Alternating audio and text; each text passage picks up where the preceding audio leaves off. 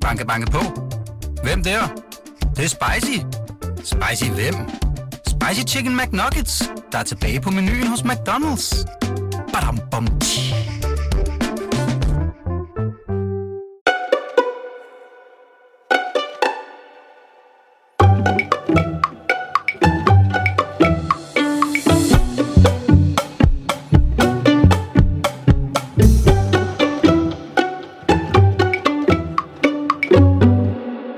Velkommen kære lyttere til premiereudgaven af BT og det gode selskab.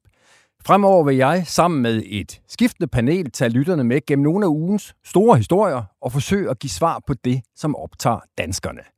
Og derfor glæder jeg mig til, at I lyttere forhåbentlig fremover vil byde ind med både spørgsmål og dilemmaer. Jeg har sammensat en brutogruppe af 19 kendte danskere. Og de er, kan jeg hilse sige, meget forskellige alle 19. Men et har de til fælles. De har noget på hjerte. Og så er de alle som en mennesker, som jeg personligt rigtig gerne vil sidde til en middag med og diskutere nogle af tidens store spørgsmål og dilemmaer.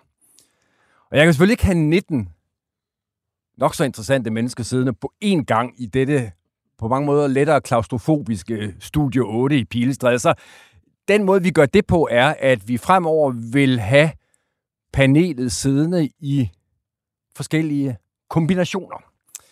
Øhm, og nu sidder vi så her i dag, klar til at lægge for kaj med den første kombi.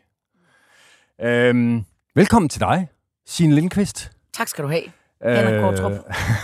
TV-vært. Øh, så langt er jeg med, men så, tænkte, så spurgte jeg en kollega, hvad, hvordan skal jeg i øvrigt introducere hende der, Signe Lindqvist? Ja. Og så foreslog hun mig, at jeg kunne kalde dig grøller. Ja, det, og det er fordi, jeg siger det selv.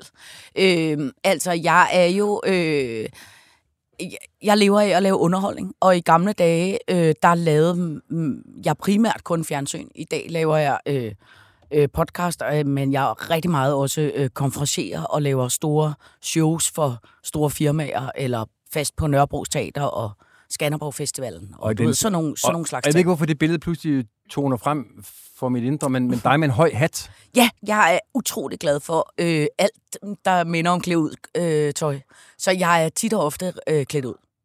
Det er lidt, det er fordi, jeg er lidt fundet ud af, at når tit og ofte, så er jeg jo alene øh, på landevejen, og når jeg ligesom tager til Horsens øh, øh, en onsdag, øh, og er derovre i mange timer, så er det på en eller anden måde blevet sådan lidt min... Øh, sådan min, min, min følgesvend, at jeg har taget en lille kuffert med med en masse kludtøj. Og så øh, går jeg sådan og, og glæder mig til, hvad jeg skal have på. Og du ved, det er på en eller anden måde blevet mit, min, min, min, mine kammerater. Og nu må du ikke tage det som en, en, en, en kritik, men, men jeg, jeg vil tillade mig at sige, at din, din, i det lys er din påklædning herinde i dag jo sådan relativt afdæmpet. Ja, men øh, jeg tænkte jo også, det var et radioprogram, så derfor så... Om du har set nej, nej, kameraerne ja, ja, ja, oppe i... det er gået op for mig. Øh, ej, men altså privat er jeg jo, øh, ser jeg jo altid utrolig kedelig ud. Ikke? Eller bare almindelig ud, tænker jeg. Hvad med dig, Geomets? Øh, er du også betegnet som en, en gøjler? Ja, i den forstand, at jeg rejser jo også landet lige rundt og holder mange mærkelige foredrag og mm. laver sådan nogle underlige ting. Så sådan kan man jo godt kalde det, at man er rejsende i et eller andet. også som bogskriver, og som jeg også begyndt nu at udstille øh, billedkunst. Og skal have en stor udstilling nu i Hørsholm, Hørsholm Kunstforening. Jeg har, jeg har flere store udstillinger nu. Og det er jo en ny, øh, et nyt kapitel i mit liv, fordi jeg har altid tegnet til skrivebordskursen, okay. og når jeg har rejst, har jeg tegnet en hel masse. Men jeg har sat det i system, og så er der altså nogen, der gerne vil udstille sig. Det er, er vi ude i det figurative, det non-figurative? Ja, det er sådan eller? set figurativt, men det er ret underligt. Altså, jeg vil døde bruge hele din tid på det. Det er kort fortalt, at det bygger jeg nogle meget små teatre med scenografier. Inden jeg nu introducerer øhm, den tredje gæst i studiet her, så... Øhm eller den tredje paneldeltager, eller hvad vi nu skal kalde det i det her format, så kan jeg ikke helt nære mig for at fortælle lytterne, hvordan, og så bliver det nemlig lidt ved dig, Geo, hvordan du reagerede, da jeg fortalte dig, hvem der var den tredje gæst i dag. Ja. Og det sagde du, parafraserer jeg lidt, men, men du sagde noget i retning af, jeg tror ikke, der findes nogen, jeg har skrevet så meget skidt om gennem tiden. Jamen, det er nok rigtigt. Det er rigtigt. Jeg vil, og velkommen, velkommen til dig, Inger Støjberg øh, og således opmuntrende. Ja, ja. Hvordan har du det med at være i studiet med Geomet? Det har jeg det rigtig godt med. Øh, fordi jeg tror faktisk, vi har aldrig rigtig mødt hinanden. Nej, det har vi ikke. Nej, og, øh, og, og det synes jeg jo, det var jo bare enormt spændende. Nu skulle vi sidde her og snakke i en hel time. Også for mig. Altså, Så- det er øh, bestemt ikke noget, jeg er gruet for. Fordi sådan er det jo også. Det er jo et professionelt forhold. Ikke? Altså, Ja. jeg er polemiker, jeg skriver mod politikerne, og i det her tilfælde jo Inger Støjberg. Og når man så møder personen, så er det jo en anden situation, fordi øh, der er det jo den menneskelige, medmenneskelige kontakt, og det er jo ikke så slemt. Det er jo jeg vil ikke Men- men det er jo meget- det er jo ikke så sig. slemt. Det ved man jo. Det, det kan jo være, at det pludselig udvikler Ja, sig. ved? Men det er jo meget sjovt det der, fordi jeg, jeg er måske også i kategorien af journalister, der indimellem går, går til stålet. Og, og, og, og det er jo så dejligt nemt, når man sidder der lidt på, på afstand og tænker, mm. jeg, jeg har nogle gange synes det faktisk var sådan lidt... Ah, Ja, Lidt- du, lidt- jeg, vil- jeg vil lige sige, altså nu, når man så møder, møder den, man har kritiseret. Jamen, jeg må sige, nu siger jeg noget, som er helt Ej, forfærdeligt. kom med så må I gerne smide de der kære i hovedet på mig. Jeg siger, at nogle gange gør det mere ondt på mig, end det gør på Inger Støjberg. Nå, nå, nok om det. Velkommen til, Inger. Støjberg. Og det er ikke, fordi jeg ikke vil introducere dig yderligere, men jeg tror måske, at... Øh, er det nogle gange siger man yderligere introduktion øh, er overflødig. Jo, jeg ved aldrig rigtigt, om det er godt eller skidt, Nej. når man kommer dertil. Jeg ved ikke, hvorfor tanken melder sig med, hos mig, men, men nu, kommer jeg alligevel med den. Det, det slår mig pludselig, at øh, 50 procent af de tilstedeværende i det her studie har båret fodlænke. Det er nemlig, at jeg, jeg stod og tænkte på det samme. Fordi, øh, fordi jeg Har tænkte, du hvis, også? Nej, nej, nej, nej, nej, øh, Henrik og Nå, mig, gud vi er jo ja, sådan, jeg. Vi er jo sådan en slags kollegaer. Det er godt geovidigt ordentlige, Ja, der er- ordentlige der er- mennesker. der er- Henrik folk og mig er sådan en slags kollegaer.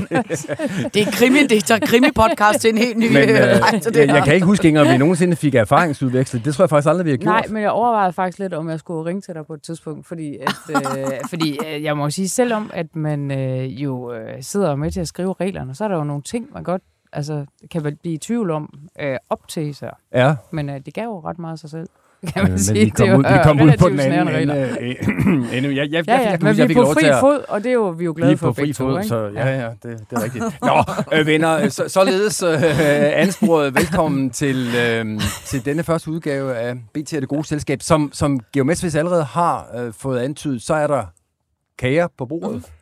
Flødeskumskager. Vi, øh, vi har jo overtaget øh, dit Ockmann, og det vi taler om sendespot, mm-hmm. øh, sendetidspunkt. Og jeg ved, hun havde en tradition for alkohol. Ja. Øh, men den slags billige tricks bruger jeg ikke her i programmet, så vi nøjes med øh, fast lavnsboller. Og hvis, hvis nogen tror, at det dermed er, fordi vi gerne vil slippe billigere om ved det, så skal man kende priserne på fast lavnsboller her i byen. Så er man, så er man fra Jylland. tror Meget dårligt. Der er tallerkener, der er, Altså, øh, tak. der er fast lavnsboller og tager, tager for jer af, af retterne. Inden vi nu for alvor går i gang sådan med, de, med, de, med de store emner, vi skal runde i dag, så, så har jeg forberedt jer på, at jeg lige vil stille sådan en lille poesispørg- poesibogsspørgsmål. Og jeg ved ikke, om jeg skal starte med, med dig, Inger. Hvad har du været mest i tvivl om i ugen, der er gået? Om jeg skulle sige ja eller nej til det her. Øh, Hvorfor? Og, jamen, fordi øh, jeg skal jo til Jylland, og så ved jeg jo, øh, altså enten så skal man køre sådan noget halv et, eller så skal jeg køre klokken fem, for ellers så kommer jeg til at stå i, eller køre i en meget, meget lang kø. Og så må jeg simpelthen, helt ærligt, så var det, øh, så var det min nysgerrighed over at møde Geomets, der gjorde, at øh, du vandt over køen ud af København. Så, øh, så når jeg sidder der, så tænker jeg altid, kunne der bare, det er jo ikke fordi, jeg går ind for kæmpe store trafikinvesteringer i København, men omvendt set et ekstra spor til Jylland. Og, Kæmpe så, ja, og således sikrede du jo, Ja. ja. Geomets, at uh, Inger Støjberg fik sig talerør her. Ja, det er Øh, fint. Hvordan har du det med det? Jamen, det er jo helt fantastisk. Jeg er jo, jeg er jo helt rød i hovedet, at det er for min skyld, at, at Jylland må vente. Ja. Hvad har du været mest i tvivl om i ugen, der er gået her, Jamen, jeg, jeg er altid i tvivl om utrolig meget, altså det må jeg sige. Jeg er i tvivl om en ting, jeg så den her i, i TV1 øh, om varetægtsfængslinger. Og der kom jeg i vældig tvivl om, hvordan det kan være, at vi i vores branche ikke har gjort meget mere ud af det der med varetægtsfængslinger. Når jeg så de forhold, som jeg sådan set godt vidste i baghovedet, øh, man byder folk, der bliver sat ind i sådan nogle celler, så kan jeg slet ikke forstå, at der ikke er nogen, der har gjort mere oprør mod det. Jeg kan heller ikke forstå, at der er nogen, der har indrettet de celler. Uh, man, er, man sætter folk ind, som ikke er skyldige, under forhold, som er langt værre, end når de er skyldige og bliver idømt fængsel i givet fald. Det bragte mig i tvivl om, om vores fag i virkeligheden gør, hvad vi skal for at få sådan noget. Det, du refererer til, det var en, en dokumentar Det var en dokumentarudsendelse om uskyldige varetægtsfængsel, og det viser sig, at 10 procent, alle er jo uskyldige, når de sidder i varetægt. Det er først, når man bliver dømt, man er skyldig. Det kender I jo også til. Man er uskyldig til det øjeblik, dommeren har slået bordet. Og øhm, så siger man jo til sig selv, jamen, hvordan kan det være, når man, som er, når man er uskyldig og bliver bragt i varetægt af det offentlige, hvordan kan det så være, at man ikke får et ordentligt forhold at sidde i den der varetægt under? Jeg forstår godt det der med isolation, det kan der være gode politimæssige grunde for, men der er jo ikke gode politimæssige grunde for, at folk skal sidde på 8 kvadratmeter. Hvad, hvad siger du, Inger Støjberg? Nu kan jeg jo ikke lade være med at trække på politikeren, Inger Støjberg. Nej, altså, jeg har ikke set udsendelsen, men øh, jeg har faktisk planer om at se den her i weekenden, fordi øh, det er da noget, der kan jeg høre har gjort meget indtryk ja. på, på mange. Jamen, der er jo en, altså, der er jo flere grunde til at sætte folk i varetægtsfængsel, øh, fængsle, eller varetægtsfængsle folk også under de her forhold, øh, fordi altså for det første, så, så er der jo en relativt stor andel, der er øh, skyldige. Øh, og, øh, og så er jeg med på, at der kan være en lille andel, der, der ikke er. Men, øh, men omvendt set... Men altså, de har jo også en retssikkerhed, ikke? Jo, jo, det har vi alle sammen. Men, men altså, det handler jo også om at... Altså, nu kan folk sidde og spekulere lidt over deres skyld eller uskyld. Men hvorfor kan de ikke gøre det på 16 kvadratmeter? Yeah. Altså, det er også et spørgsmål om at, og, altså helt ærligt, det er også et spørgsmål om at presse folk lidt, når de sidder der, ikke? Ja, det, hvis det er rigtigt, mener, så er du, det, mener du det? det? Det er jo tortur. Ja, det er mener jeg faktisk, ulovligt. Ej, Det er ulovligt. det er det da ikke. Jo, det er det. det er, man må ikke tortere folk. Nej, vi torturerer i da ikke folk ved, at Jamen, jeg de bare- sidder og spekulerer lidt. det du siger, er det, er, er det føler, jo... I er Jamen, meget tortureret herinde. Jamen, det kan vi jo komme til. Ah, hvis men vi- hvis jeg skulle opholde, hvis jeg skulle opholde mig. mig Så 24 lang tid timer, sammen med så mig, jeg nok så vil synes, du at det at stramme Men jeg er til. der jo ikke, trods alt. Øh, øh, Men jeg, jeg har ikke set uh, programmet heller, men det, det fremgår der, at de celler, de sidder i, er markant mindre end en gennemsnitlig. Ja, Okay. Det er det, der der er pointen. Det er jo det, der er pointen i det. Ja. Man siger, at det kan da ikke være rigtigt, hvis man sidder og er potentielt uskyldig, og det er man. Man er uskyldig, Ja, ja, ja, indtil dommen falder. Ikke? Og det er, og det er 10 procent, så de opgør til at være uskyldige. Og de tal, det kan man så diskutere, hvordan det er sat sammen, og over hvilken tid det er. Det er et- ikke et helt præcist tal. Mm. Men under andre omstændigheder, så synes jeg ikke, man kan sætte folk ind i sådan et, under sådan en forhold, under nogen omstændigheder. Nej. Men, men hvad, tænker du, Signe? Tror, du- tror du, når, når det her ikke fylder mere, som, som, som Georg Metz er inde på, er det så fordi, at er der nogen, vi per definition ikke har så ondt af, så er det nogen, der måske har begået kriminalitet? Øh, Altså, jeg, jeg synes, hver gang man hører nogle historier om det danske fængselsvæsen, så synes jeg altid... Øh, øh, jeg, jeg synes bare altid, det virker som om, der er, der er nogen, der trænger til at rydde kraftigt op derinde. Altså, der er aldrig pladser nok, og jeg synes altid, jeg hører om, hvor, hvor dårligt det er, og hvor, hvor, hvor, hvor kriminelle folk bliver af at være i fængslet, og tit og ofte har folk det værre, blevet mere kriminelle og fået mere ødelagt deres liv, når de kommer ud af fængslet. Altså, jeg, jeg, jeg vil ikke være, vil vide, hvad man skulle gøre ved det. Det virker bare på mig som om, at det, der, der, der er noget omkring det der system, som slet ikke fungerer. Eller som i hvert fald trænger til måske det, der hedder sådan en kraftig oprydning og en opdatering. Men nu kigger jeg igen over på politikeren Inger Støjberg. Har jeg lidt ret i min antagelse af, at af alle emner, man kan tage op, så er det der med, hvordan dem, der sandsynligvis, fordi det er jo 90 procent, der bliver dømt af de varetægtsfængslede, mm. hvordan det, dem, der sandsynligvis er kriminelle, de har det. Det er ikke noget, der er særlig meget sex i for en politiker. Nej, altså, jeg har det sådan, at man skal jo efterleve de, øh, de regler, som der nu er øh, på det her felt. Altså, der er jo nogle klare internationale regler for, hvor, hvor store skal celler være, og hvad skal, hvad skal sådan en altså, celle øh, indeholde, og hvad er, er der ikke nødvendigt, øh, hvad skal det ikke nødvendigvis indeholde. Altså alle sådan nogle ting. Øh, og, og ud fra det, der må jeg jo sige, så er jeg jo altså, rimelig hardcore, øh, og, og har ikke sådan trang til at, at gøre forholdene bedre, det må jeg sige. Det fremgik af, af udsendelsen, at Danmark er det eneste land, der har sådan nogle forhold. Det er også det eneste, altså dem, vi plejer at sammenligne os med, ikke? i vores kulturkreds, som det hedder. Og at vi også er det eneste land, der varetægtsfængsler så, varetægtsfængsler så længe.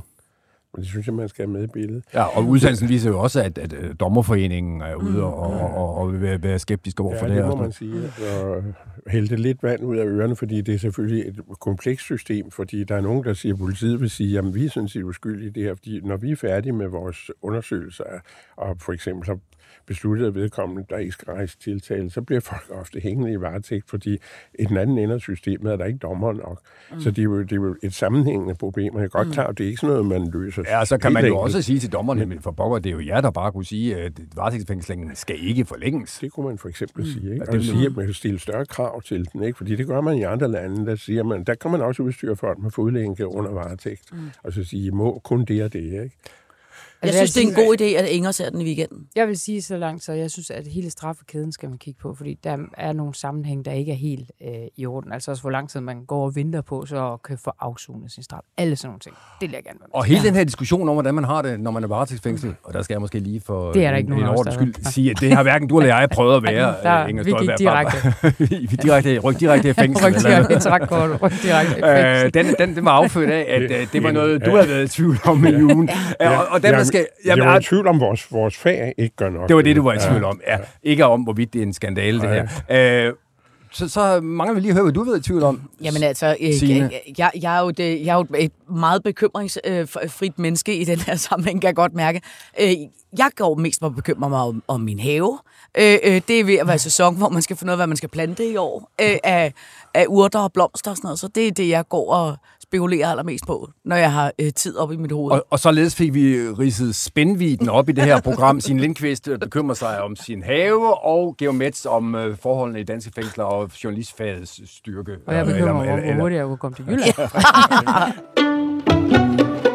Nu er det her jo premiereprogrammet, og derfor øh, var det ikke Magnus Heunicke, der corona, under coronaen sagde, at vi asfalterer, mens vi kører. Og det prøver jeg også at gøre her. Men en ting har jeg dog besluttet mig for, at vi i alle fremtidige udsendelser skal lige have en lille runde på baggrund af den historie, der på BT.dk, det er jo BT, der lægger hus til det her øh, program, mm. øh, har været mest læst. Mm. Og, og, og, og der er sagen, sagerne jo, som de er. Det har ikke handlet, kan jeg godt afsløre, om varetægtsfængsling eller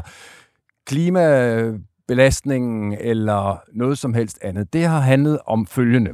Ugens mest læste historie handler om Claus Møller Jacobsen, mm. tidligere håndboldspiller. Øhm, han har givet et interview til Euroman, mm. og det interview har BT, jeg tror man i, på journalistsprog kalder det skraldet, øh, taget det mest interessante vinklet det, og det som BT så vinklede på var, at Claus Møller Jacobsen klart har det bedst med at sove uden en travl på kroppen. Ja. Det var den mest læste historie på BT. Ja. Og så er det min tunge pligt at kaste øh, følgende spørgsmål ud i øh, studiet. Sover I også uden en travl på kroppen? Hvad siger du, Georg Mets? Jamen, jeg, Marilyn Monroe blev spurgt om det samme. Hun sagde, at hun blev spurgt, så, så, hvad har de på om landet? Så sagde hun, Chanel nummer 5. Ja. Og det vil sige, jeg strinter mig lidt med barbersprit. Så Okay, jeg troede, du strandede dig med Chanel nummer 5, for det, det kan jo ikke helt holde nej, til. Nej, fang min pointe. Jeg fastholder det maskuline. Ja, det er godt. Jeg læste også forleden dag, at man, øh, man har fundet ud af, helt, jo helt overraskende, at folk, der sover nøgne, øh, får generelt meget mere sex. Øh, så, så, øh, så altså, jeg vil sige, at øh, jeg tror, det er... Øh, jeg tror, det, og det tror jeg, der er noget om snakken. Så er det øh, forkert barbersprit, jeg Ja, bruger. det er rigtigt, ja, det var det her. Altså, øh, jeg sover som udgangspunkt også altid nøgen, med mindre, at det er meget koldt. Ja. Jeg synes, når det blæser helt vanvittigt, så kan jeg godt finde på at, at, at, at tage noget tøj på. Men jeg generelt har det utrolig varmt om natten. Så ingen, øh, ingen Så natsokker og en- ingen nej, nej, nej, huer jeg sover med en meget tynd dyne. Altså nærmest en vattæppagtigt. Hold op. Ja. Okay. Og nu kigger vi alle sammen over på dig, Inger Støjberg. Ja, jeg blev faktisk også spurgt til Euroman i sin tid, og der kom jeg behendigt uden nogle spørgsmål. Nå. Nu er det ligesom, nu klapper Ja. ja. Ja, nu her. nu er den. det lidt sværere her. Nej, altså, jeg er sådan lidt en frossen pind, så, så det gør jeg ikke. Sig noget mere. Nej, nej jamen, altså, så sover jeg jo dermed så med tøj på. Men jeg er heller ikke sådan en flot fyr og fl- flot dame, som alle er. Så, så det, det er det. Ah, Nej, jeg fryser altid mine skuldre, så derfor så ligger jeg Ja. ja. tøj på. Jeg vil tilføje en ting. Dine Axel? Sandemose, den store forfatter Axel Sandemose, der jo faktisk opfandt janteloven. Han siger i sine erindringer, der hedder Murene rundt Jericho, der fortæller han, at der er tre ting, han forlanger. Han forlanger en flaske whisky om dagen. Han forlanger et godt sted at sidde og kunne skrive. En, en sikker skriveplads. Og så forlanger han nyt sengetøj hver nat. Og så er der nogen, der siger til ham, altså, hvad bilder du der ind, at du forlanger nyt sengetøj hver nat? Og så siger han, ja, der er i janteloven. Ikke? Og så siger han øh, øh, til den, der gør, kommer med indvendingen, at det der er alt for fint at forlange nyt sengetøj hver nat, så siger han, skifter du ikke skjorte hver dag?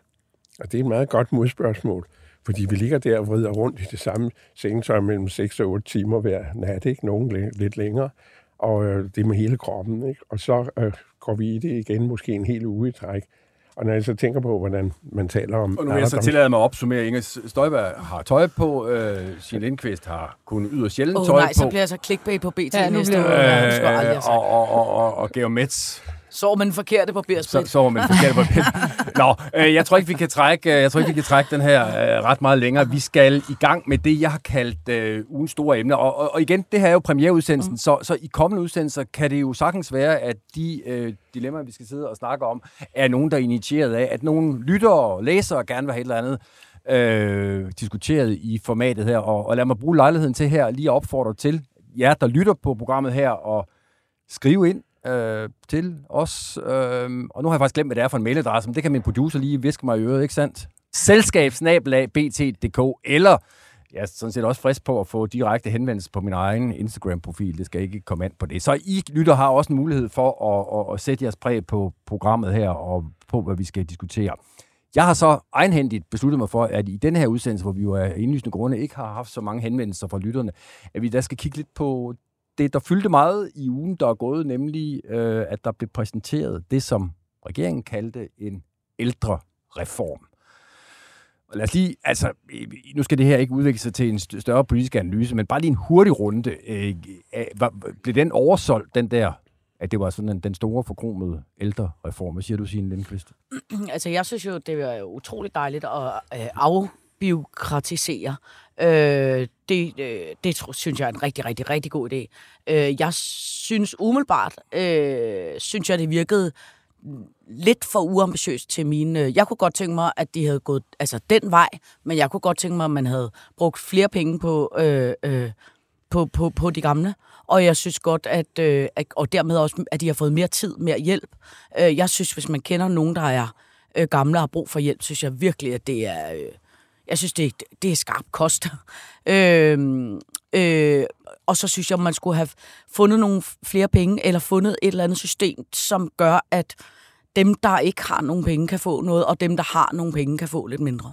Sådan et øh, menneske er jeg jo. Hvad siger du, Mads? Øh... Det er jo som altid pengene, der er for små i den slags reformer. Det må man sige. Og så vil jeg sige en ting, at øh, det er, jeg er helt enig med dig i, at det er rart at, sige, at se, at, der, at man vil tage fat i de der regler og så mm. videre. Mm. Men et langt liv har lært mig, at i det øjeblik, der kommer en sag, som kommer frem i medierne om en gammel dame, der hænger hjælpeløst op i loftet, så ja. skal du bare se politikeren komme ud og forlange ja, ja. nye ja. Øh, tiltag, hvor man skal have det på skrift og så videre. Så jeg, jeg vil altså se det før, jeg vil se bjørnen før jeg tager hatten af. Mm. Altså, at det her bliver et rigtigt reform, en mm. rigtig reform det, det synes jeg ikke rigtig ligger i det. Jeg synes ikke, det, det virker ikke forpligtende nok, men lad os nu se. Altså, hvad hvis man smører det ud, hvis man dividerer på kommunerne, det kan Inger tale bedre om end jeg, fordi du bare foretage en division af kommunernes antal i det penge beløb, der er sat til rådighed, så er der ikke så meget tilbage. Nej. Støjberg? Jamen, jeg er 100% enig med Geomets, fordi jeg tror faktisk, det største... Og det markerer vi lige det her øh, ja. tidspunkt, ikke? Fordi vi det sætter et tal på en af kagerne. Så sætter vi et tal i kagerne nu. Og hvad er det? Ja. Inger Støjberg har jeg erklæret sig 100% enig med Geomets. Yes, fordi vi, vi skal videre. jeg tror, at den største opgave nu, det bliver ikke så meget at aftale de her afbiokratiseringer. Det, be, det bliver at efterleve den for mm. både den opposition, der sidder, og den regering, der sidder, fordi vi skal virkelig sidde på hænderne, når nu der sker en fejl et eller andet sted, fordi mm. det vil der ske, og det vil der gøre hele tiden. Mm. Så skal vi have tillid til, at det er ledelsen på de enkelte plejehjem, der løser det, og at vi ikke står om onsdagen og havler en eller anden minister ned og siger, hvad vil du gøre ved det? Og det bliver det svært ved det Og nu vil jeg lige drive diskussionen lidt videre. Nu har vi sådan overordnet fået, hvad I, hvad I synes om det her ældrespil der er flere, der har bemærket, at det sådan er måske så som så med, med konkrete tiltag. Mm. At det er meget sådan noget ord og mm. management og, og hvad har vi.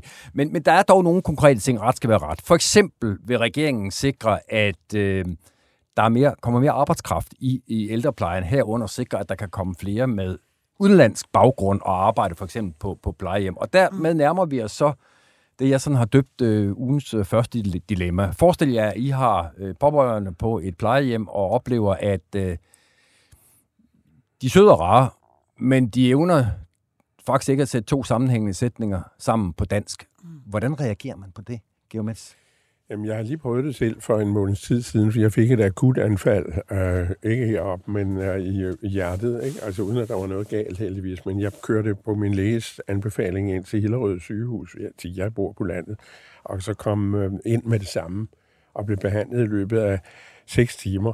Og kl. 16, efter jeg havde været kl. 8, så sagde de, nu, nu gå hjem med dig, vi kan ikke gøre mere. Så var jeg rask. Jeg har altså helbredt mig for den her åndenød og det her ubehag som øh, ikke var så alvorlige endda, men det var ubehageligt at opleve.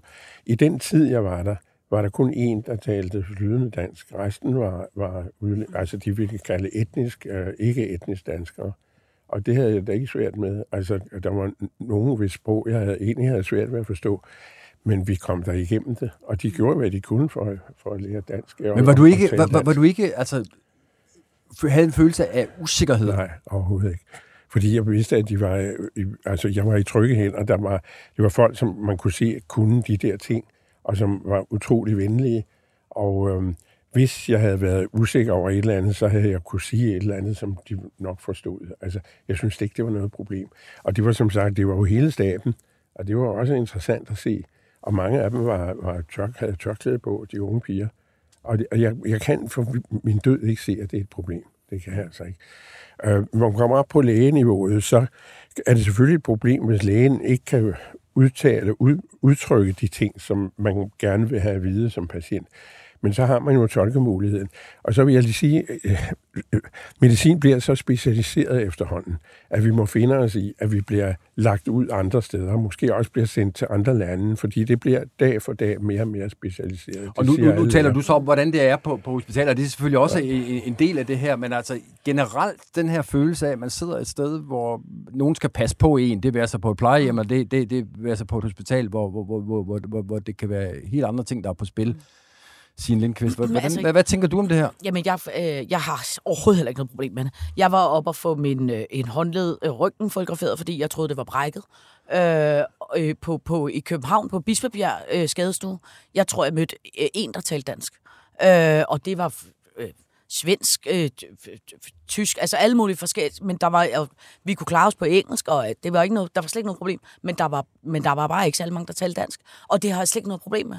Øh, og, og jeg er altså øh, privilegeret, at jeg har øh, øh, rengøring derhjemme, og hende, der normalt kommer og gør rent, hun er gravid, øh, så jeg, der er, kommer en vikar for tiden, og hun kan kun tale polsk.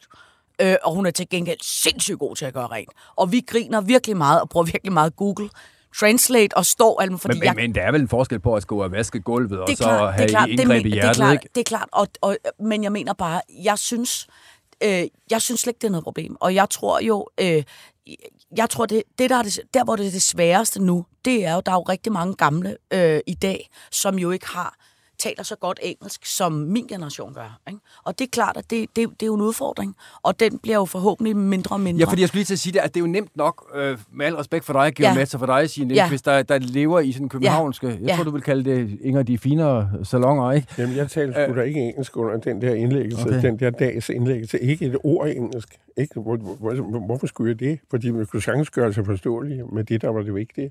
Jeg har også prøvet i øvrigt for mange år siden at blive indlagt på et fransk hospital, og mit fransk er ikke sådan, så jeg kan kaste mig ud i lange diskussioner, om, selv ikke om mit eget helbred. Og det gik jo også, fordi man ved jo, som regel i 99 procent tilfælde, er det folk, der vil en det bedste og de gør, hvad de skal, og, og så videre. Jeg synes, det er et falsk problem, det må jeg sige. Og nu kigger jeg over på dig, Inger, ja. jeg har en svag formodning om, at du ikke ja. ser det som et falsk problem. Ja, jeg synes, det er et ægte dilemma. Fordi øh, jeg tænkte faktisk på, hvad i det øjeblik, hvor jeg ligger og er, er meget, meget syg, mm. hvad vil jeg gøre? Øh, altså, jeg skulle nok klare mig igennem. Øh, også fordi jeg kan også øh, engelsk. Mm. Og, men, men den ældre medborgere, som for eksempel ikke taler engelsk, og som er svækket, altså med al respekt, Geomets, du er jo også altså, en meget, meget stærk øh, borger, ikke også? Og, og kan nok sige fra, øh, og kan nok sige til, og sådan nogle ting. Men, øh, men jeg tænker sådan lidt, hvis det blev min, min mor eller min nabo, altså hvordan ville det så gå? så vil jeg være, være meget mere bekymret. Så jeg synes faktisk, at plejepersonale, synes jeg godt nok, øh, altså på plejehjem, så synes jeg godt nok, at det er et kæmpe dilemma, hvis de ikke taler dansk. Jeg skal nok klare mig igennem, hvis jeg kommer på, på sygehuset, men jeg vil ikke føle mig fuldstændig men, tryg Men dilemmaet består vel også i, at, at hvis ikke det var for de mennesker, der så taler dårligt dansk, så ville der slet ikke være nogen til at passe på de gamle. Det er derfor, jeg siger, at der er et mm. kæmpe dilemma i det men, her. Og det er jo derfor, at vi bliver nødt til i det omfang, at vi så øh, for eksempel, nu kan jeg forstå, at man vil lave skoler, eller hvad man vil gøre på, på Filippinerne, så det bliver man jo ligesom nødt til at sikre, at, øh, at der er dansk undervisning med. Øh, så jeg synes ikke, det er så nemt endda. Det må jeg altså sige. Altså, jeg, jeg tror også, at man... Øh, jeg, tror også, at man på en eller anden måde, at, eller du er måske for, bekymret for, hvordan man reagerer, for jeg tror altså, det, det er rimelig nemt, synes jeg, at klare sig med, øh, vil du have en, altså viser man en kop, en kop, og vil du have mere kaffe, og altså, jeg men mener, det er jo der, bare der, ikke det i det øjeblik, du skal ind og opereres. Nej, nej, men, men, det, men det er jo klart, men så Øh, det- er det der er jo, der, der, altså- er jo det er tolkemuligheder, og der er jo folk, der kan komme og hjælpe en i. Der kommer en Altså, dansktalende også. ja. Det gjorde der også i Ja. mit tilfælde til sidst. Ikke en ren dansktalende. Det kan jeg så sige, det gør der ikke altid, fordi øh, jeg, nu skal man altid passe på med at have personlige sager med ind i det her. Jeg har simpelthen et konkret eksempel på en ældre dame, der bliver spurgt, om hun vil genopleves, hvis hun øh, nu øh, dør, og så siger hun øh, nej. Hun tror, hun siger ja. Hun misforstår simpelthen spørgsmålet. Øh, hun døde så ikke under operationen. Overlevede. Men, men det er først, da, da børnene kommer, at det går op for dem, at hun er kommet til at sige nej til at blive genoplevet. Hun, hun vil ikke herfra dengang. Nu er hun så død. Men det skal jo stå skriftligt, før man gør noget. Fordi, og det, ellers, det er jo det dilemma, der så er. Det er jo en, en lidt anden diskussion, men det er jo det ægte Ja, det er jo en helt anden diskussion, hvis hun er død i morgen. Man skal altså. skrive, og, og inden, inden hospitals, ambulancepersonalet har læst det, man har skrevet, eller fundet det, man har skrevet, så er deres pligt jo at opleve en, at genopleve en, langt Ja, men hun er jo på stillet. sygehuset og forstår ikke, hvad det er, hun bliver spurgt om. Altså, Nej. hun, bliver, hun altså, kommer simpelthen... Er en ikke dansktalende læge, hun misforstår mig, eller han taler ikke Men godt de er nok dansk. faktisk nødt til at se det skriftligt, før de Men- men, kan handle. Ja, ja, men altså, det må du jo så... Nu er hun så desværre død. Jamen, det, det er et ægte dilemma, det der. Ikke? Ja, det er et vi vil dilemma. genopleves eller ej. Ikke? Men Du vil lige sige noget, Signe? Nej. Men det er rarest at blive det, hvis man gerne Ja, vil.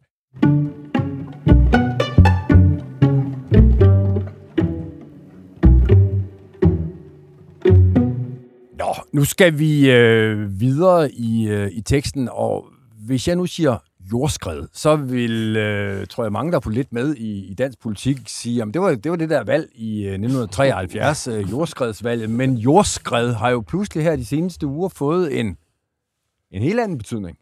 Altså, øh, nu er det ikke 1973, vi, øh, vi øh, har referencer til. Nu er det noget, der foregår over ved en lille by over i nærheden af, af, af Randers. Og jeg ved godt, det ikke er, er, er nogen helt ny sag. Det, sagen fra Nordic Waste har kørt nu i ja, en 3-4 uger på, på, på, på dagsordenen. Øhm, men det gør jo også, at vi kan tillade os i et format som det her, måske lige at hæve os en lille smule op og sige, hvad, hvad, hvad er det egentlig, der står tilbage nu, hvor vi alle sammen er øh, kommet på fornavn med Ølst og, og ved, taler jordskred og, og jeg ved ikke hvad. Altså, ja, det er et lidt bredt spørgsmål, men alligevel, øh, Signe Lindqvist, hvad, hvad, hvad, hvad tænker du nu her, hvor vi har snakket? Altså, jeg synes det jo, her så øh, længe. øh, først og fremmest, at det er forfærdeligt, og, og det er da vildt skræmmende, og, øh, og, og, og, og det gør mig faktisk også sådan, sådan mest af alt sådan oprigtigt bekymret over, at der, altså i Randers, kan, er der nogen, der i så lang tid har samlet så meget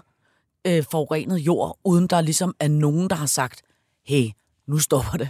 Altså, og, og, og reelt har stoppet det. Det er faktisk noget af det, der på en eller anden måde gør mig øh, mest bekymret. Altså nogle myndigheder, tænker du Ja, på? eller øh, helt ærligt, at der ikke har været en voksen til stede, øh, som ligesom har sagt, nu må det også stoppe. Og, og der er jo, kan jeg forstå, virkelig mange fra lokal, øh, som har forsøgt at råbe op, og folk har, men, men, men man er ligesom bare blevet ved. Der med findes jo faktisk, må jeg sige, der findes jo et helt fantastisk klip med en øh, fra Randers Byråd, Ja. som for et par år siden, eller halvandet år siden, står og sådan nærmest profetisk Ja. siger øh, helt ned i detaljen, hvad det er, problemet er med det her.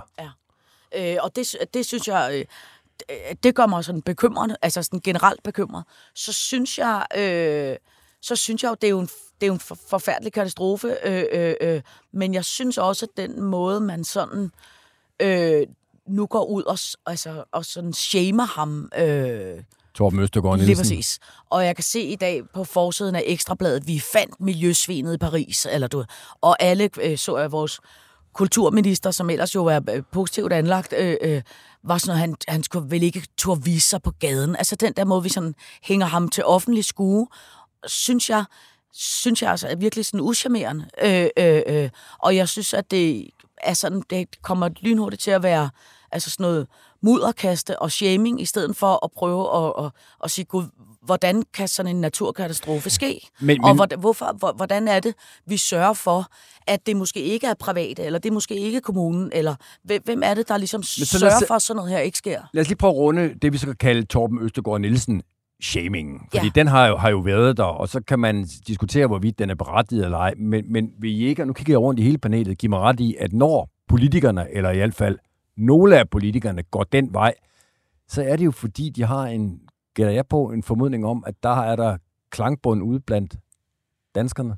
Du kender dem derovre i Jylland, øh, Inger Støjberg. Tror du ikke, de tænker sådan mange danskere, at det er ham der, Torben Østergaard, der bare skulle punge ud? Det ved jeg faktisk ikke. Men altså, der kan jo godt være sager, hvor der er flere skurke, om man så må sige. Altså, så jeg tror også, man skal passe på med ikke bare udpege én skurk. Jeg tror, og jeg, jeg ved det jo ikke, fordi at vi skal jo have nogle undersøgelser af det her, og det synes jeg i virkeligheden, det er det, der står tilbage nu. Nu skal det her undersøges ordentligt.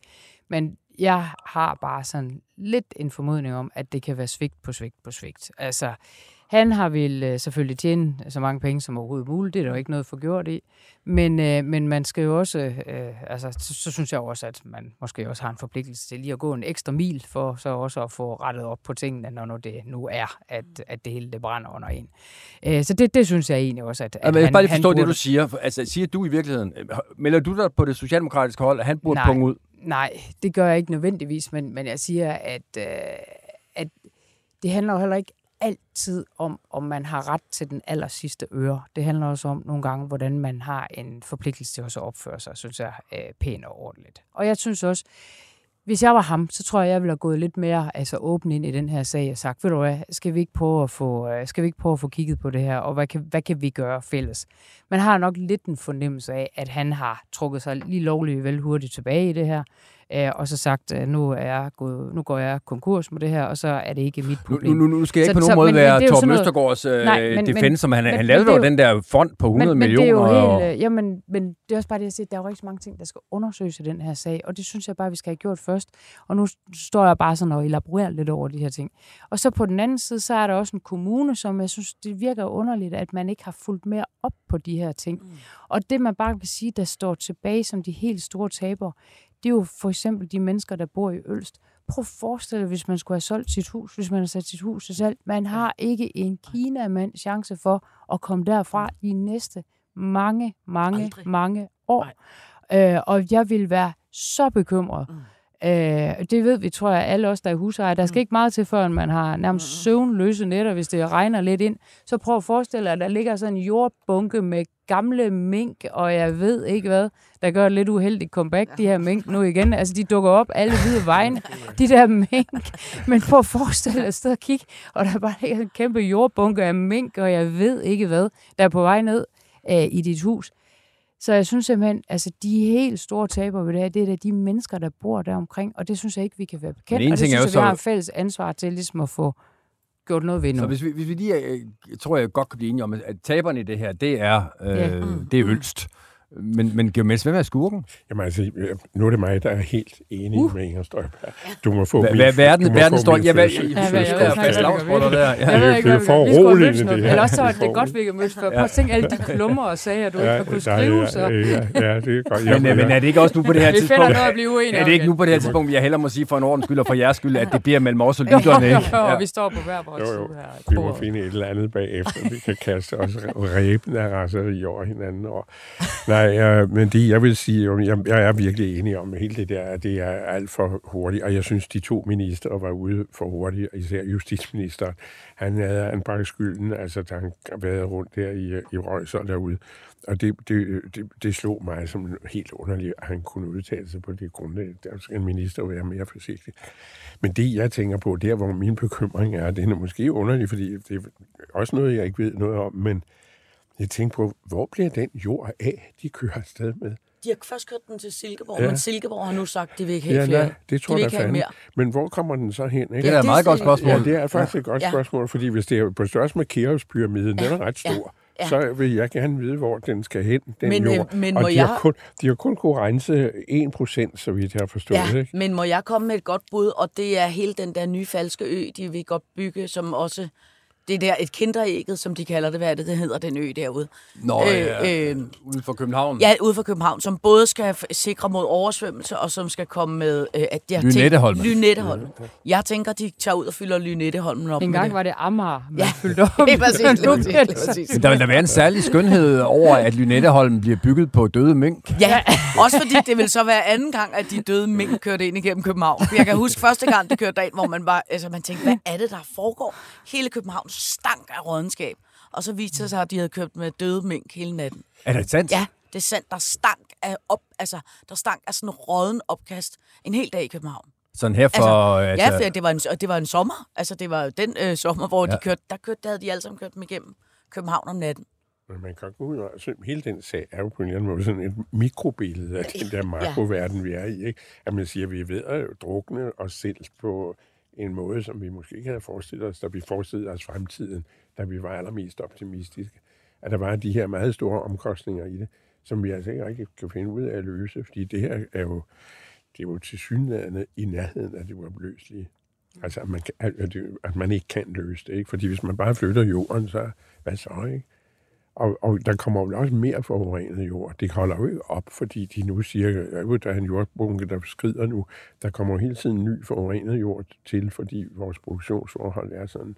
Men det er jo også der, hvor det, det, det er jo sådan absurd, at vi ligesom på en eller anden måde også har et samfund, hvor vi bare på en eller anden måde sådan fuldstændig konsekvensløst bare øh, altså, lever, som vi gjorde i, altså al respekten, men lever, som vi gjorde i 90'erne, med det der brug og smid væk. Ikke? I to ikke-politikere i studiet. Du får chancen lige om lidt, øh, politiker, øh, Inger Støjberg. Men jeg godt tænke mig at spørge jer to ikke-politikere i studiet. Hvad tænker I om det, man jo også kunne argumentere for, at den her sag og håndteringen af samme har været udtryk for, nemlig politikernes drift i retning af altid at gribe en folkestemning? Fordi det er vel det, især Socialdemokraterne har gjort, ikke? Ham der, Torben Østergaard, han kører Ferrari og Lamborghini, og øh, han har 42 milliarder på bankbogen. Nå ja, det er da helt for... Jeg synes, det er en horribel måde at behandle ham på. Det skal der ikke, det skal da ikke lægge skud på. Jeg så også Ekstrabladets forside. Jeg har den liggende derude. Den er der imod enhver god presseskik. Mm. Altså i, i, helt hen i vejret. Men der hvor Fordi- jeg også... men- det, det, det, og det, og Men, det, men som, det er vel med, undskyld Lisine, det er vel med Ekstrabladet, som det er med, med mange politikere. Altså, de går jo, Jo, men- de går i den retning, hvor de fornemmer, at, at, at, at, at, at, at vinden blæser. Jo, men jeg synes bare, jeg, jeg synes helt alvorligt, at, at der, skal vi, der skal vi altså være nogle øh, ordentlige voksne mennesker, som skal tale pænt til hinanden. Og jeg mener bare, ikke, øh, Øh, øh, øh, lidt ligesom hvis man siger, øh, øh, det var dig, der startede, jamen var du fortsat. Ikke? Altså, hvor man kan sige, hvis politikerne går ud og sviner ham til, og så siger de, jamen Ekstrabladet sviner ham også, altså, du, hvor, hvor jeg, så, så, han er jo også definitionen af den perfekte skurk, fordi han har alle de der mange milliarder, har alle de der mange biler, altså han er jo definitionen af en skurk. Men jeg mener bare, stadig skal vi jo være nogle ordentlige mennesker og, og, og behandle ham på, på, på samme måde som folk, der er varetægtsfængslet. Eller, altså, vi skal jo være ordentlige over for alle. Og, og, og nu kigger jeg så over på dig, Støjberg. Altså, du, du, du er ikke det- en af dem, der har kørt hårdt på Torben Østergaard Nielsen, men, men, men uden at skulle på nogen måde fornærme dig, så, så vil jeg sige, at du er jo ikke nogen nybegynder i forhold til det med at, at fornemme, mm. hvad vej øh, vinden Nej. blæser Nej. ude i, i, i, i folke, folkedybet. Hvad gør du der i overvejelser om den slags? Om, altså man kan også spørge på en anden måde, om det med at altid score de nemme point. Jamen, det, er, altså, Det kender du ikke jeg, til. nej, ved du hvad, jeg vil jo lyve, hvis jeg stod her som politiker. Jeg er den, jeg er den første politiker i verden, der bare ikke har tænkt på at score nogen som helst point, og stemmer er jeg der ligeglad med, og sådan nogle ting. Så, så selvfølgelig er det det. Men, men den her sag, jeg synes bare, altså jeg har overhovedet ikke ondt af, at han kører rundt i Ferrari. Jeg vil ønske, at jeg selv havde alle de penge. Det har jeg bare desværre ikke. Det har jeg ikke været dygtig nok til. Øh, men, men, men det skal heller ikke komme ham til skade. Men omvendt set, så vil jeg sige, så synes jeg jo også, at han har en eller anden form for forpligtelse også, altså i den. Altså, jeg synes, det synes jeg jo, at alle har. Det er derfor, jeg siger, at der kan godt være mange altså, skurke, om du vil, i den her sag. Øh, så, så jeg synes bare, det er lidt for let. Altså bare lige nu, så peger man på en og siger, det er der hele problemet er. Jeg tror, der er mange problemer i Hvis- den her sag. Jeg tror ikke, det er så enkelt endda. Hvis, bare for at tage et eksempel, ikke? hvis nu for eksempel, at øh, øh, vores, vores regering ikke havde skilt ham ud, ikke? men lad os nu sige, at man havde taget vores nye, øh, nye flotte konge, og så havde man sagt, prøv at høre, kong Frederik, vi har virkelig brug for hjælp. Gider du ikke tage de her fire faste lavnsboller, og så køre hjem til ham, øh, milliardæren øh, øh, øh, Østergaard øh, Nielsen, eller hvad han hedder, og så prøv lige at forklare ham, det ville være rigtig fedt, hvis du lige hjalp med at, at bruge nogle af dine milliarder på at rydde det her op. Så havde vi fået, så havde vi bare været mere sådan løsningsorienteret. Så havde vi måske ikke fået en, det kan han kalder for en klimafond, siger jeg med gåseøjne, på 100 millioner. Men så kunne det være, at man havde overbevist ham om, at han skulle bruge 500 millioner, eller måske skal, lavede man halv skade. Hvis, så får vi altså snart en kong Christian i stedet for. Ja, ja, ja, men jeg mener bare, men jeg mener bare, jeg, jeg, jeg, jeg synes også, vi, jeg synes, det bliver, sådan lidt, igen, det bliver sådan lidt fordummende, at vi bare står og råber af hinanden, men i stedet vil... for at prøve at være lidt øh, løsningsorienteret. Okay, så vil jeg øh, med, med denne jeg kan for egen regning sige, friske opfordring til, øh, ja. til, til kongehuset. Ja, eller med Frederiksen, Nej, men jeg synes, det, det har noget over sig, og jeg vil sige, hvis du får, hvis du får øh, kongehuset med på den, så vil du indskrive dig i analerne som den, der for altid øh, forandrede monarkiet i, i Danmark. Og så var det det her premiere, premiere, premiereudgaven af BT Det Gode Selskab, der ned det. det. Det vil også kunne noget.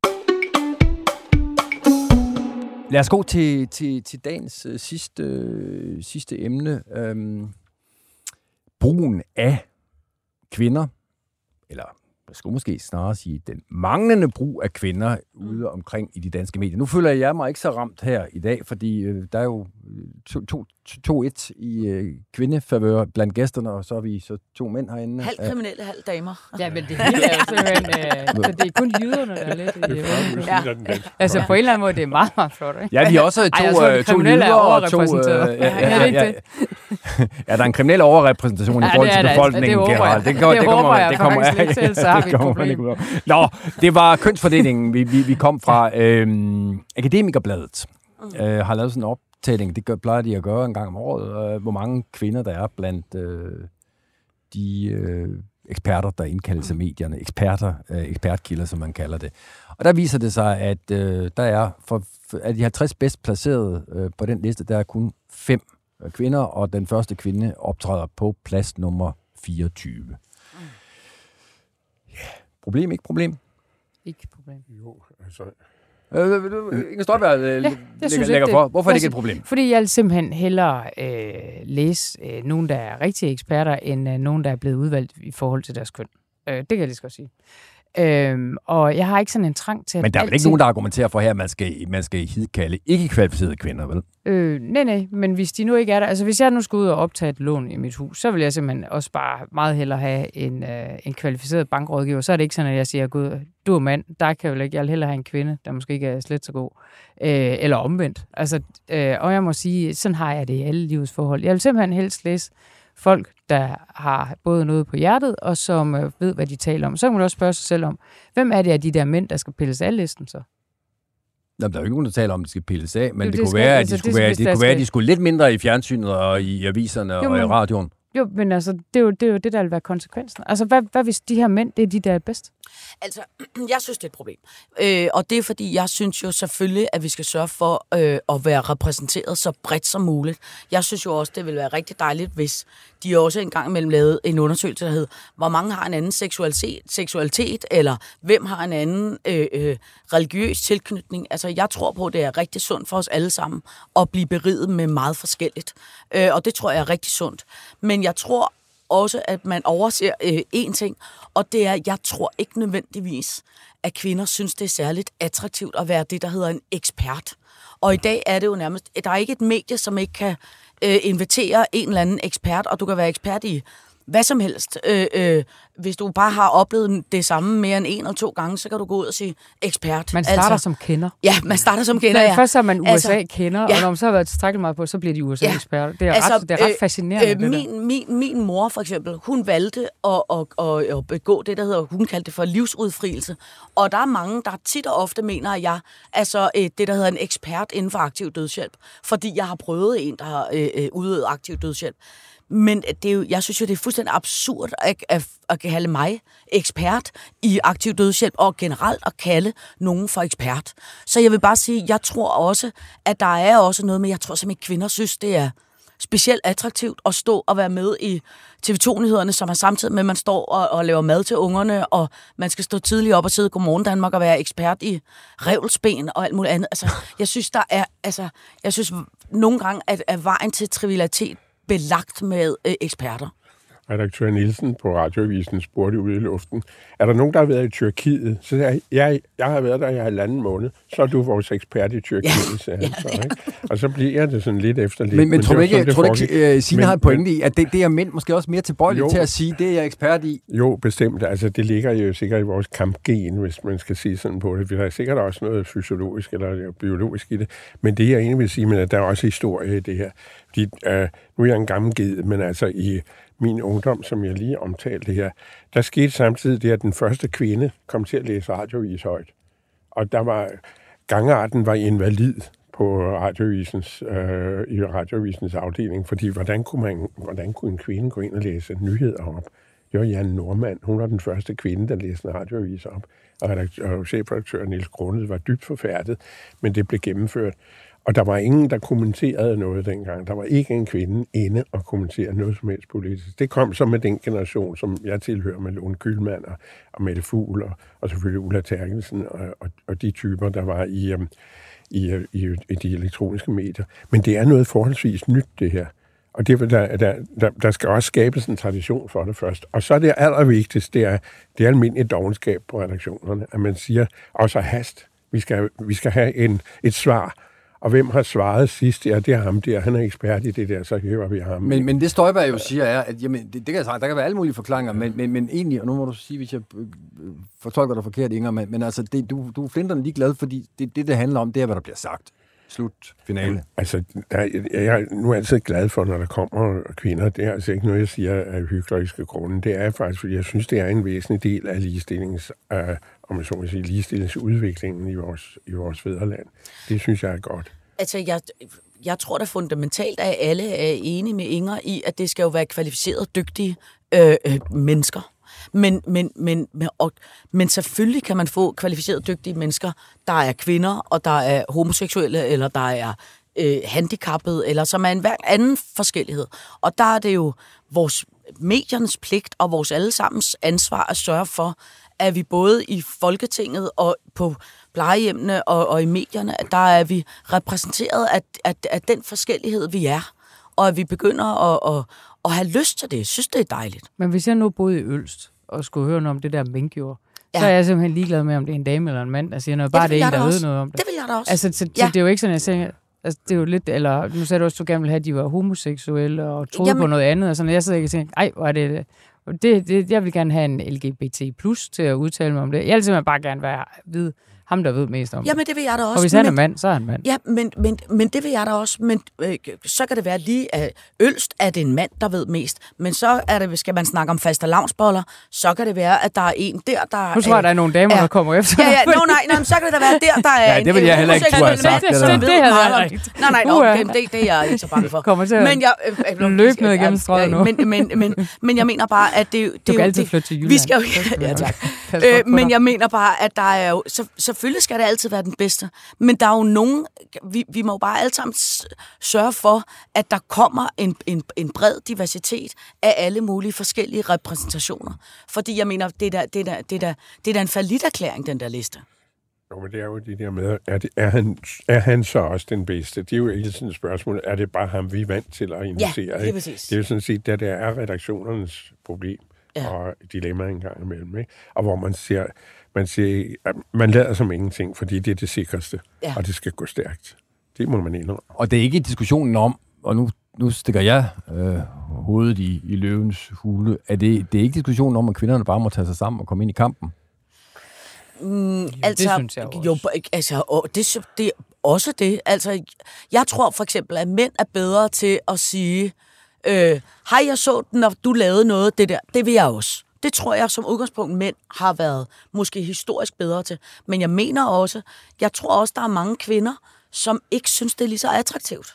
Altså, øh, øh, øh, vi stod og talte om før ude ved altså, det, øh, øh, kaffemaskinen, at det der med, der er jo, du er jo på den måde unormal. Altså Støjberg. Øh, Støjberg, ja. Du er unormal, ved du ikke har fået børn. Hmm. Ikke? Hvor jeg, der er jo, jeg kan da selv se, da jeg var øh, øh, hvad hedder sådan noget, chef for Ramachan ude på DR, der havde jeg jo et fint og godt job, men jeg valgte jo at sige jobbet op, fordi jeg vil, jeg vil ikke, jeg gider ikke arbejde så meget. Jeg vil gerne være mere hjemme sammen med mit barn. Og jeg gad ikke have et arbejdsliv, som var 50 timer. Men så valgte jeg jo ligesom fra, øh, og jeg kunne da helt sikkert godt være blevet noget flot øh, mellemleder ude på Danmarks Radio. Men jeg tror bare, at vi er mange, vi er mange kvinder, som også øh, øh, har nogle andre prioriteter øh, end, end at End være at blive med. mellemleder End at- på end Danmarks Radio. Ja, eller, eller, blive, eller blive ekspert øh, øh, i TV-avisen, eller Men hvor det er, de der der er eksperter også er. forskel på fagene. Det skal lige med i billedet. Der er visse fag, som er meget knipske, og hvor Ja. kvinder er endnu måske endnu mere tilbageholdende, fordi specialområderne er så utroligt snævre. Og så er der jo nogle steder, hvor fagdisciplinen er så voldsom. For eksempel i, i mit gamle område, det historiske fag, der gik man må tro, folk er forsigtige med at udtale sig. Mm. Nu døde Søren Mørk i går, og han var jo en af de store undtagelser. Han udtalte sig om de ting. Han følte et ansvar for det historiske, han skrev. Ikke? Men der er virkelig forskel på mm. fagene. Fordi hvis du ser på den politiske analyse, så er det jo pænt med kvinder efterhånden. Mm. Og det ville man have sagt i min ungdom, som jeg antydede før, fuldstændig utænkeligt, at kvinder skulle beskæftige sig med politik. Hvad var nu det for noget, ikke? Venner, vi er så småt ved at nå vejs ende i denne første udgave af BT og det gode selskab. Øh, Og det gode selskab i dag var jer. Er du tilfreds? Ja. Er du glad? Jo, altså de står jo stadig urørte, øh, de fire Men det er fordi, jeg, jeg, fastelavnsboller. jeg, jeg tænker, at der er et eller andet helt vildt ved, at jeg skal spise kage sammen med Geomets. Ja. Nå ja, og Jeg synes, der er, et eller andet- der er et eller andet over det der, hvor jeg kan næsten ikke rumme. Vi skal måske spise den samtidig. ja, ja, ja, vi, ja, vi er et par stykker, der gerne vil have jeg, jeg, et, jeg føler, øh, Henrik, billede du og jeg, af- vi skal forlade det studie, og så skal Ja, Inger og så- Geo lige få de lov skal til at få dele- et, dele øh, noget ja, kage. Vi går ud og spiller violiner, ja. Men øh, det synes jeg, I skal gøre, Inger Støjberg mm. og Geomets. Tak til jer to, fordi I Selv tak. kom og ikke slog hinanden ihjel. Kæmpe fornøjelse. Uh, det, var, det, var, det var rigtig rart at have jer med, begge to.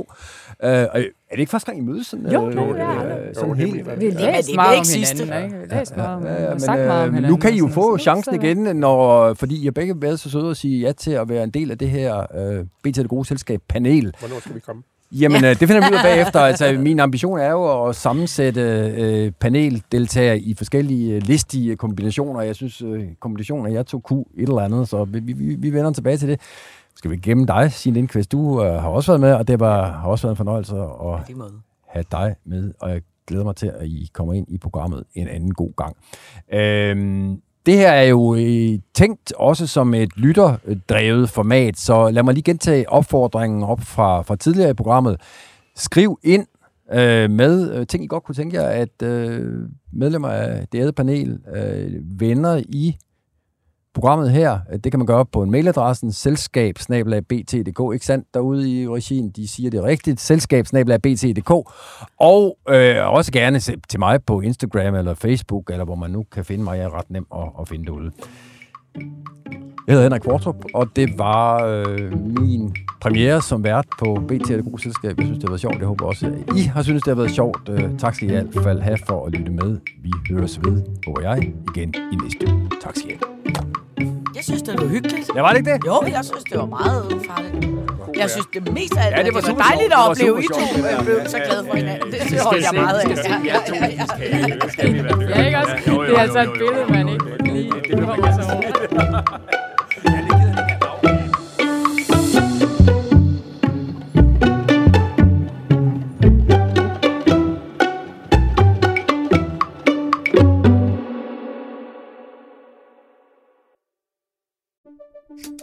Banke, banke på. Hvem der? Det, det er spicy. Spicy hvem? Spicy Chicken McNuggets, der er tilbage på menuen hos McDonald's. Badum, bom, tji.